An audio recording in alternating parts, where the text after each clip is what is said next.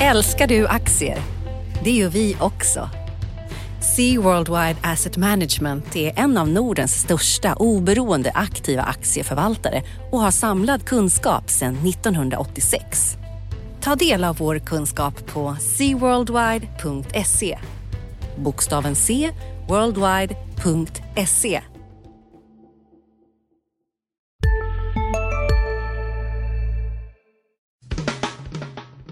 Analyspodden från Dagens Industri. Hej allihopa och välkommen till Dagens Industris analyspodd med mig Ulf Pettersson och mitt emot mig har jag Anders Hägerstrand. God morgon Anders! God morgon eller god förmiddag! Vad tycker du vi ska prata om idag? Eh, vi brukar ju börja med börsen, börsläge just nu. Det är väldigt intressant tycker jag. Sen tycker jag vi ska snacka om ja, byggsektorn har ju varit i fokus den här veckan. Skanska, ja, och Skanska också med ny ordförande. Det tycker jag vi ska snacka om. Jag tycker vi ska prata om nynoteringarna. Eh, eh, det, det, är ju väldigt aktuellt just nu. Eh, ja, vad tycker du vi ska snacka mer om? Ja, vi får prata lite framtid också. Eh, jag vet inte, terroristattentatet har ju lite försvunnit den här veckan från börsen. Det var, det var någon smäll där när eh, eh det ryska flygplanet blev nedskjutet. Eh, Kina kanske vi ska prata lite om. Mm, eh, var stökigt, stökigt här i, i, i natt. Eh, ja, får vi se. Kanske kommer på något längs, längs vägen också. Ja. Det, bara, det kommer att bli bra. Bufab gör ett stort ja, förvärv. Det, det, det, det, är intressant och det var en viktig tema tycker jag. Eh, vad bra att du sa det. det jag satt och funderade på här igår kväll vi skulle prata om. Att Bufab och, för jag precis hade tänkt på det här med förvärv. Hur viktigt det är att bolagen gör förvärv nu. När det är dålig, fortfarande väldigt svag organisk tillväxt så, så är det förvärv som betalar sig. För, för när, när kapital är billigt. Och det har vi sett med Trelleborg. Och det har vi sett med Atlas Copcos förvärv förra veckan.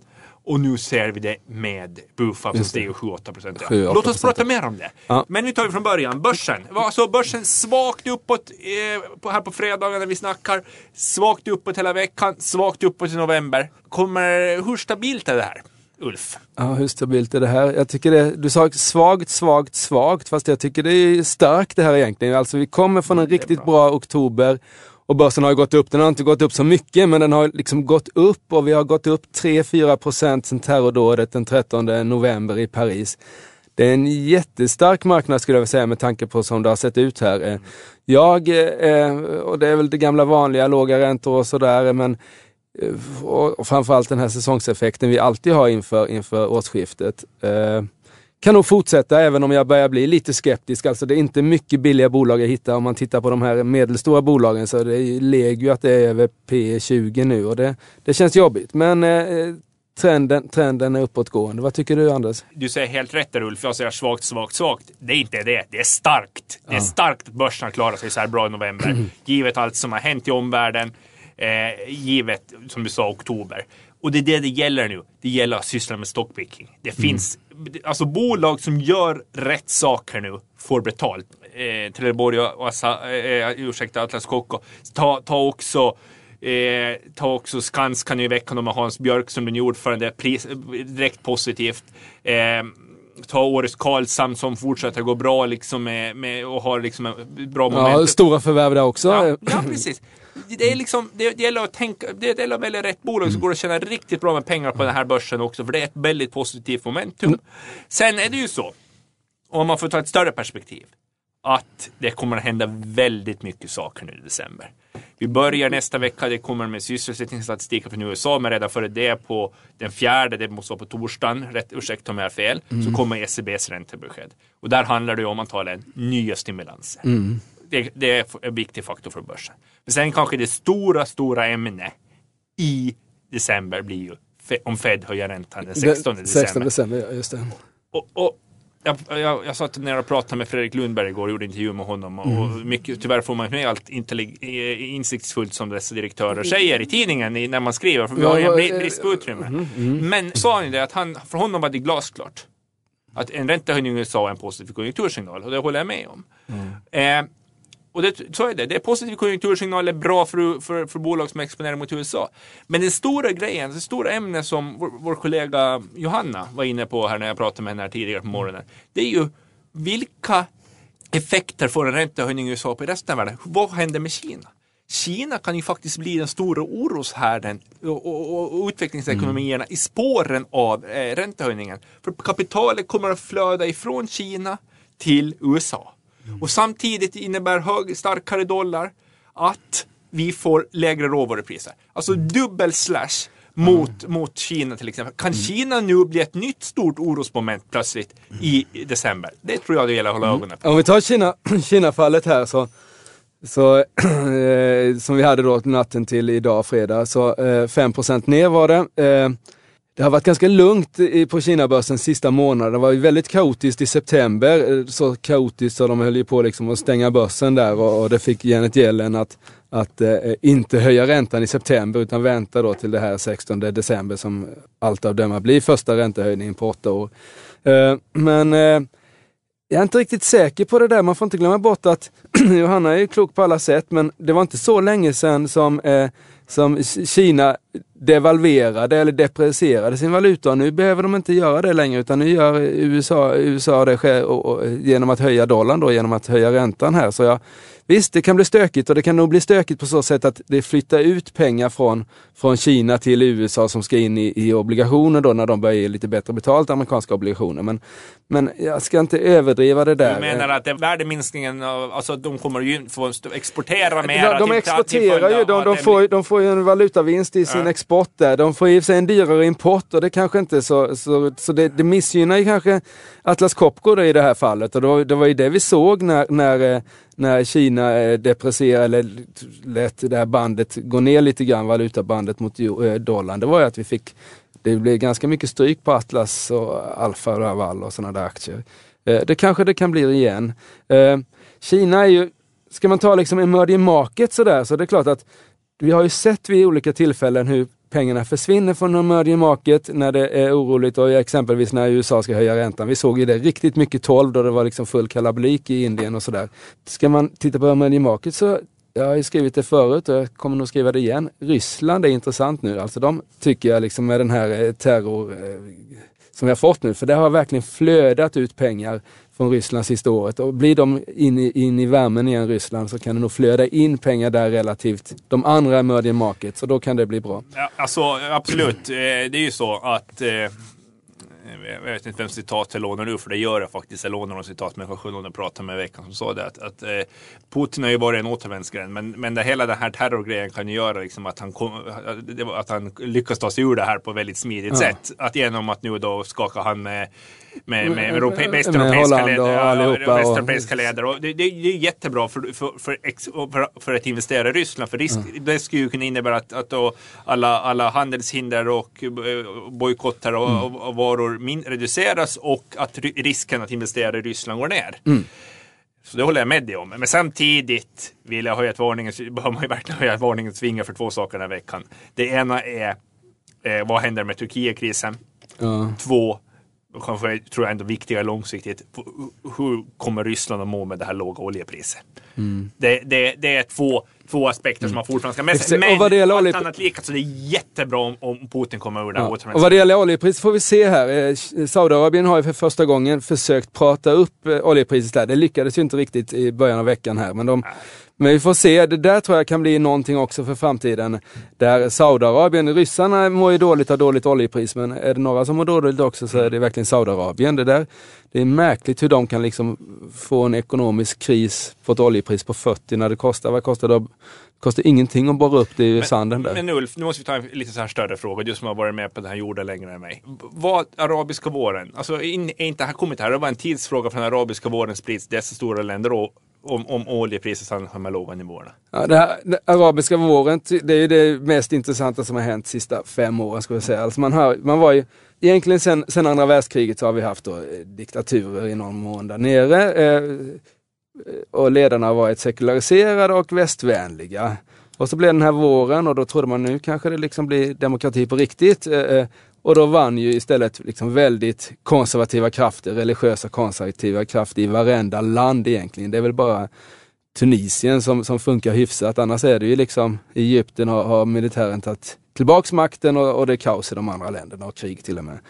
Uh, ja, jag vet inte, det där är, är det finns ju ingen lösning. Jag var ganska optimistisk när det kom. Det kanske blir liksom en liberal intellektuella ledare där nere, men det blev ju inte. Det blev precis tvärtom. Och det är klart att det kommer vara stökigt och det kommer inte bli mindre stökigt om Saudiarabien, som så att säga anledningen att det inte har varit, blivit revolution där, är ju, är ju att de har haft sitt höga oljepris som har gjort att de kunnat liksom hålla, hålla sin befolkning under, på gott humör då. Men det, om de ska liksom börja skära ner här så kan det ju hända saker i, i Saudiarabien och man känner ju här att hur USA börjar liksom lämna Saudiarabien lite grann och liksom bli polare med Iran istället. Eh, och de känner att de inte är lika beroende av Saudiarabien längre. Eh, USA är inte lika oljeberoende som de var för, för tio år sedan och, och sådär. Eh, har ju egen mycket olja nu med den här frackingen och sånt. Så ja, det kan hända jättemycket där nere och det är ju allt annat lika så är det ju dåligt för börsen för det skapar ju osäkerhet kan man säga. Men det går nog inte att handla på det redan nu för det är så väldigt luddigt i kanterna tycker jag.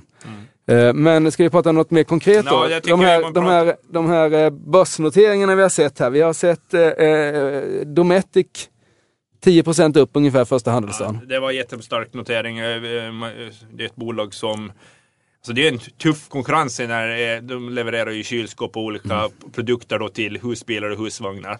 Mm. Eh, specialiserade på det.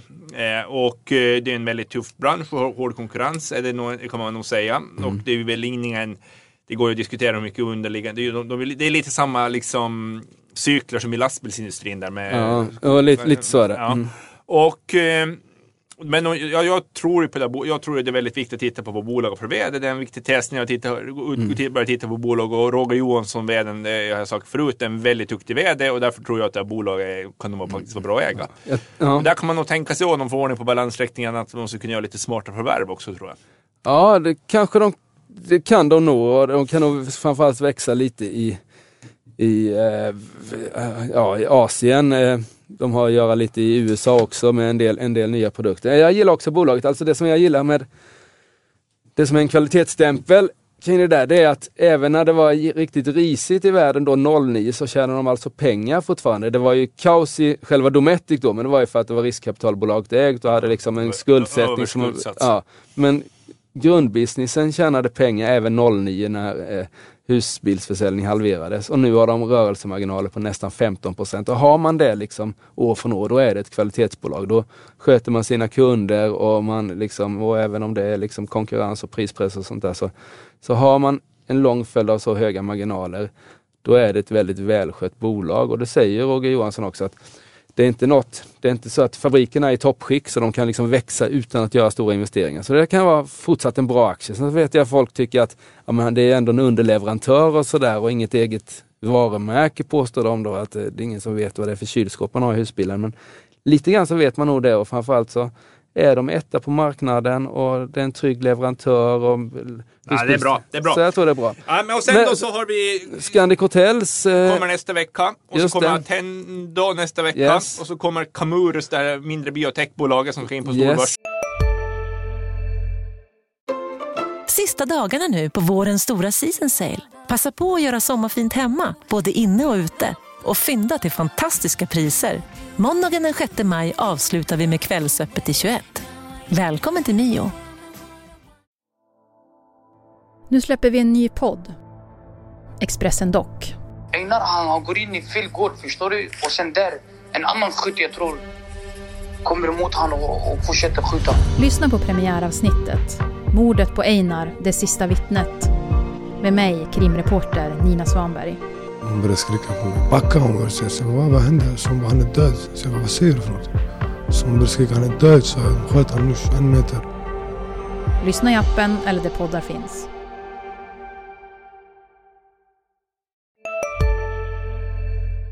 Den var nog bra. Om vi tar dem i ordning. Alltså Scandic eh, tror jag att det finns väldigt många olika åsikter om. Jag ja. tycker att Scandic inte är köpvärt. Jag tycker att Scandica, eh, jag går till, står på den sidan som tycker att Scandica för hög skuldsättning, för hög värdering i förhållande till Residor. Eh, och så den, finns det, tycker jag också liksom att eh, det finns tveksamhet. Eh, ja, det är de två viktigaste. Det är värdering, skuldsättning och så är det ingen strålande business, hotellbusiness liksom. Eh, De, att hotelloperatör. Jag är tveksam till Scandic. Jag, jag tycker att, och sen kommer jag alltid komma ihåg hur EQT och, och eh, Accent. Accent som äger Scandic nu skulle notera det här godisbolaget Candy King. Det är bara det gör så att rabatten borde Det har ju visat sig också att de försökte ju liksom kasta iväg Candy King till Ja, jag, börsen. jag måste ställa mig upp när du börjar prata om Candy King. Alltså det, alltså, det är ju en, alltså, det är den största skandalen på, alltså på den här nivån. Alltså, sen finns det skandaler på smålistor, det finns sådana som bluffar gång på gång. Det här är EQT och Accent som sätter, försöker sätta Candy King på börsen och det är ett förbaskat luftslott alltså. Ja, de har ju Nu tappat, tappat mycket kunder här, här efter som man kanske var på gång där. Jag håller med dig, det var inte bra. Mycket. De har ju tappat allt. De tappar ju hela, hela eh, kooperationen och så nu tappar de ännu mer här. Jag inte, Ja, jag, jag, jo, man, men- inte, man vill ju knappt läsa om det så arg blir man. Ja. Ja, men Nej, alltså- men jag håller med, jag håller med dig. Och jag tycker väl också, nu har inte jag detaljläst Scandic, jag, jag detaljläste Attendo däremot. eh, Men jag kan väl hålla med dig om att vid en första anblick så verkar det lite dyrt jämfört med Residor. Residor, det är ju liksom, ja, Residor är mycket mer emerging markets och sånt där och lite grann, men det är ju egentligen positivt för är det liksom någonstans som växer så är det ju där då. Eh, Men ja, vi får se. Men jag får, ursäkta språket, men om man- du vet hur man bokar hotell själv. Jag satt förra helgen skulle jag boka ett rum. Man satt och jämförde på, vad hette hotels.com eller vad hette Ja, hotels.com och, och bookings.com och, och jag vet inte allt vad de heter. Man kan ju Det är pressa bara- ja, det är deras marginal som försvinner där. Ja. Glöm det. Eller går vi vidare till Attendo. Det tror jag däremot på. Det kommer bli en, en sån otrolig succé här i början på veckan. här. Jag tror det är den 30 Vad blir det du som kan räkna? Det blir på måndag det. Ja, 30 Ja, måndag. ja, då, då, den kommer stiga mer än 10 procent. Ja, det är ju självklart. Jag, Ska vi bara- säga bara- 15 då? Ja, Ja, men vi behöver inte slå vad om det. Men, Nej. men, men jag säger, den, den, den kommer att gå bra. Men varför kommer den att gå bra? Det måste du För förklara. att, för att det är lågt prissatt, det är knapphet om aktien, alltså det är inte mycket, mycket free float kvar. Och sen Nordstjärnan och de andra har köpt sina aktier. Dinar och Gerge, precis som Dino Lifto. Gerge har köpt. Eh, eh, och sådär. Och sen så är det ju faktiskt en väldigt intressant eh, marknad det här. Alltså antalet folk över 85 år, sådana som bor på deras äldreboende som är den stora grejen för att ändå kommer öka 60 procent kommande tio åren. Eh, och det är klart att mer, det kommer liksom, vi kommer vara tvungna i samhället att lägga mer och mer pengar på det här. Det kommer komma in privat kapital även där tror jag när man inser att vi inte har råd att liksom hantera det här via skattsedeln. Så jag tror det där ser jättebra ut för Attendo. De har ju de har ju funnits så länge och kan, vet hur man sätter upp ett äh, ålderdomshem på ett bra sätt. Eh, så nej, den kommer stiga minst 15 procent. Kommer bli en jättebra aktie. Det är en otroligt stabil verksamhet. Det spelar ingen nej, roll om hur många terroristattentat vi har i världen. De kommer, de kommer ändå ha sina Ja, intäkter. och den politiska risken känns eliminerad. Ja, Bra. den är ju borta nu. Det är ju liksom, Ja, det, finns, de har annat det att tänka tycker på. jag nästan är patetiskt. Hur mycket uppmärksamhet det fick ett tag. Alltså den här politiska risken i välfärdssektorn. Alltså, men om, det man, om, ja, men om man ändå tänker med sunda förnuftet. Det fanns ju inte en rimlighet att de skulle kunna... Alltså, tänk om det här landet... Men när blev politikerna rimliga? Ja, men alltså det, det, det är liksom... Ja. Ja, ja, Men, men nu men känns det, det, ja, ja, nu, den, är, att... den politiska risken är borta, men den fanns ju ändå där. Det fanns ju ändå borgerliga... Det fanns ju en debatt för ett år sedan där, där även... två, men snarare. Ja, två Ja, kanske, det där borgerliga började. Men, men nu, nu känns ju den helt borta. Det, de har annat att tänka på än, än vem det- som äger ålderdomshemmet Ja, just det är nu. precis. Och det är bra, och sen har vi Camurus. Eh, Ja, de kan jag inte alls, för då får du berätta vad det- som kommer en värdering på två miljarder igen. Den där familjen Sandberg där nere i, i Skåne som har... Eh, Men de har... har som är det fas 1 eller är det, det finns i fas pre-fasen? 3. Och det, det, de har en väldigt intressant pipeline. Mm. Eh, jag håller på att titta på det där. Eh, det är ju som vanligt med biotech, det är hög risk. Men jag får en känsla av att Camurus nog kan, i den här fattiga biotechvärlden vi har i- på svenska börsen, så i konkurrens med Medivir och Mm. Och, och, och Rexo kan de bli faktiskt det ledande bolag här Ja. och det mest intressanta att äga. Men jag, Ja. jag, Nej, det där, jag- jag- var, det där jag- var jag- väldigt eh, Ja, jag, jag, jag, kan hålla på, jag kan hålla med dig på tre eller fem eller sju års sikt, men sådana där bolag brukar aldrig bli bra i början. Alltså när de inte har något kassaflöde, vilket jag antar att de inte har, så är det ju snart en men jag- jag nyemission. håller- Och då är det liksom, då ska den Mm, göras till en lägre kurs och sånt. Nej, men jag- så jag, jag, jag skulle inte teckna den, men det är möjligt att den kommer vara jättebra Ja, på tre års med. Det sikt. Men jag skulle inte teckna men det, den det, idag. det, det är det det handlar om. Det är samma sak med råvarubolag. Man köper ju inte en. Man måste ju vara en spelare i sektorn. Ja, men men tro måste- på sektorn. För att man ska bara... Medivir var jag ju inne och rekommenderade ganska mycket för att tiden går ju så fort, för två år sedan nu. Och det vart ju väldigt bra. Sen är ju Medivir, bara, tiden med Simeprevir det här eh, läkemedel mot hepatit C då, det, det, det tog ju slut nu då. Nu, nu är det, måste, har de en ny, det är en ny pipeline-bolag igen kan man säga. Eh, men, men det är en, alltså man måste kunna den där sektorn. Det är Ja. vanskligt att rekommendera det för Ja. läsarna också när Ja. det är på det sättet.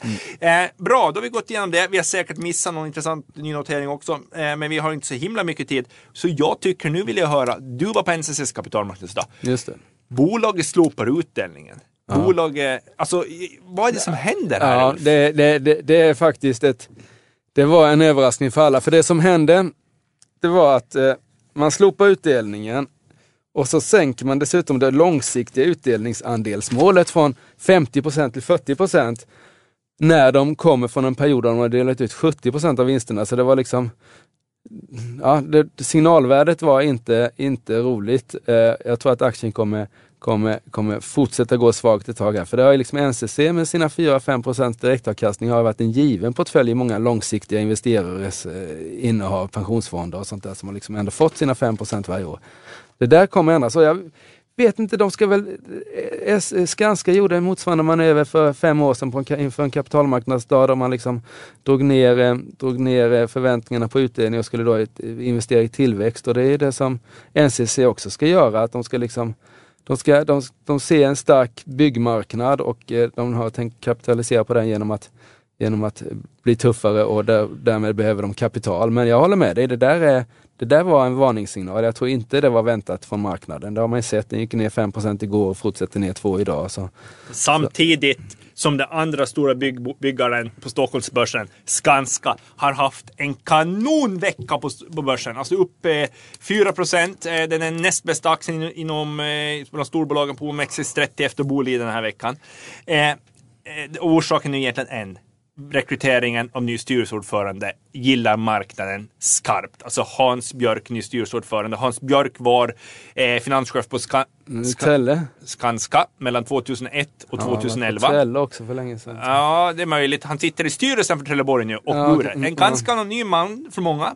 Men han har gjort stora avtryck under sin tid på Skanska och vad jag har förstått när jag pratar med vår eh, superbe kollega i Göteborg, Rickard Bråse, som har pratat med Hans, så är det så att han också är fortfarande anställd i Skanska. Han har suttit där och var, var lite nästan eh, väldigt nära bollplank till, till vdn Johan Karlström.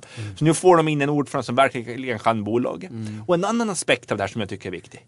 Det är att de nya ledartrojkan för industri och, och handelsbanksfären, industrivärldensfären och handelsbanksfären, eh, Lundberg, eh, Fredrik Lundberg och Per Boman, lyckas fortsätta nu, har kommit igång bra med rekryteringarna av nya, nya, eh, nya, nya ledamöter till styrelserna, att stärka upp kompetensbanken i den här sfären. De tog Johan Molin, och nu tar de in Hans Björk, eh, som marknaden också gillar väldigt skarpt, som de gjorde med Johan Molin, när Johan Molin gick till Sandvik. Så det är ju bara bra för dem. Det är spännande att se vad de gör för flera ytterligare förändringar där i, i sfären här till Vad är, det som behöver, vad är det som återstår att tillsättas då? Har de inte gjort redan Ja, de men det, flesta grejerna? de har ju, det finns ju vakanser. Eriksson är en stor, vad som händer med Eriksson då Mm. är en stor fråga där. Där har ju de ingen styrelseledamot idag. Där är ju, ju, tror jag till Just exempel att det. Lars Renström borde, vill göra flera uppdrag nu, antagligen när han slutar på Alfa Laval. Mm. Och då borde han ju vara en eh, het kandidat för Eriksson. Han jobbat där tidigare, varit styrelseledamot på Telia Sonera också. Mm. Så, men det, så det finns, Lars Renström tror jag går in i industrivärlden-sfären. Eh, tips. Eh, men det finns mer att göra, men det har ju börjat bra. Det har ju börjat bra för det, med det. Eh, jo, så, så Skanska vinnare och NCC Mm, förlorare. Nu, jag pratar, det här Bufab, ska vi hoppa över det? Är det för Nej, litet tycker, eller ska vi ta lite? Man, om man ändå ser det så här, Buffa gjorde förvärv och det tror jag kan vara en bra slutpunkt på den här podden. Mm. Att i den här marknaden, mycket talar för att det kommer, såvida inte Kina ställer till, att det kommer att fortsätta vara ett underliggande starkt sentiment. Mm. Kanske inte stora uppgångar, men det här, det här starka, det här, eh, börsen kommer att ligga kvar på höga höjder under december. Och det gäller då att leta, återigen som vi har sagt tidigare, leta aktier med starka balansräkningar för de, där det finns stor chans för förvärv. För det är sådana aktiviteter som marknaden verkligen kommer att, att, att, att gilla nu i december. Det har vi sett med Trelleborg, all, all, all, som jag sa i början, all, eh, Atlas Copco och nu med Bufab som stiger 7 procent idag på fredag. Ja, eller men det, har, det, du, har du någon, ta ett tips då. Vilka bolag tror du kommer göra ett förvärv? Ja du, vilket kommer göra ett förvärv här? Eh, ja, de lite större bolagen. Mm. Mm. Nej, jag vågar inte säga. Jag bollar över frågan. Jag tänkte prata lite om, om vad man ska ha för aktier i den här typen av börssegment. Ja, men vad, vad tänker du? Tänker du som jag då? Eller har du... Ja, men det som brukar gå bra i, i slutet av en uppgång, om vi nu kallar det, vi- okej, det, det är inte... Men i det här börsläget eh, är ju faktiskt underperformers. Där, där liksom, Ja, när, men det- när, när, när, när, när värderingsgapet börjar bli för stort mellan det här mellan kvalitetsbolag, mycket av de här medelstora bolagen börjar liksom handlas till över P20 och så finns det en del risigt. Där tror jag liksom, i, just i det här så köper man även, det är ungefär som eh, bostadsmarknaden, i en hårsmarknad så blir även eh, husen i, i Vallentuna dyra till slut. Liksom. Och så är det lite på börsen också. Då kan man köpa sånt som inte är riktig kvalitet för att de värderas upp bara per automatik i ett sånt här läge. Ja. Men det är en kortsiktig strategi, ja, men det ja, brukar ja, gå hem i sådana här. Ja, men ta till exempel sådana som underperformers som Volvo och SSAB. Alltså, de kommer inte att kunna göra förvärv. Det är snarare tvärtom. Mm. Eh, så det kommer inte att lyfta dem. Eh, visst blir det en uppsving i konjunkturen och, och riskaptiten ökar ännu mer plötsligt. Mm. Alltså det blir ett väldigt starkt börs. Då kommer de att lyfta. Men å andra sidan, går det ner så är det de här bolagen som kommer att straffas Mm. hårdast. Ta SSAB och Volvo. För då är det, de har dåliga balans, för då har svagare balansräkningar. Eh, och, liksom, och exponering just mot Kina. Ja men det är om det rasar, men Ja, det- alltså det här är ju inte att det rasar, utan att det fortsätter gå bra ett tag till. Då tror jag man kommer handla upp Volvo för att den blir liksom relativt sett för lågt värderad jämfört med Atlas och, och Sandvik och sånt där. Bra. Mm. Vi är intresserade av bolag som är förvärv. Vi har lite, vi har lite dåliga tips på dem just nu, men, Ja. eh, men det är bara att hjälpa till att leta. Lät, leta där ute så hjälper vi till med bättre tips nästa gång. Ja, så gör vi. Eh, har du någon avslutande kommentar till, till, till eh, allmänheten innan vi stänger för idag, Anders? Nej, men håll koll på Fed, Kina och eh, det är stockpicking som gäller och det är jätteroligt Ja. när det är stockpicking som gäller för då, då, är det liksom, då, är det, då är det ens egen förmåga att verkligen göra bra analys som blir avgörande. Och and, äh, Attendo kommer rusa på måndag. Ja, men det hjälper inte så många för det är inte så alla som får aktier. Nej, det är väl ingen som får aktier. Troligen. Bra Anders! Eh, Trevlig helg! trevlig helg, tack hej! Analyspodden från Dagens Industri. Programmet redigerades av Umami Produktion. Ansvarig utgivare Peter Fellman.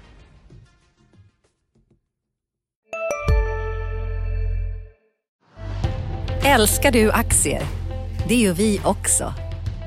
Sea Worldwide Asset Management är en av Nordens största oberoende aktiva aktieförvaltare och har samlad kunskap sedan 1986. Ta del av vår kunskap på seaworldwide.se. Bokstaven C, worldwide.se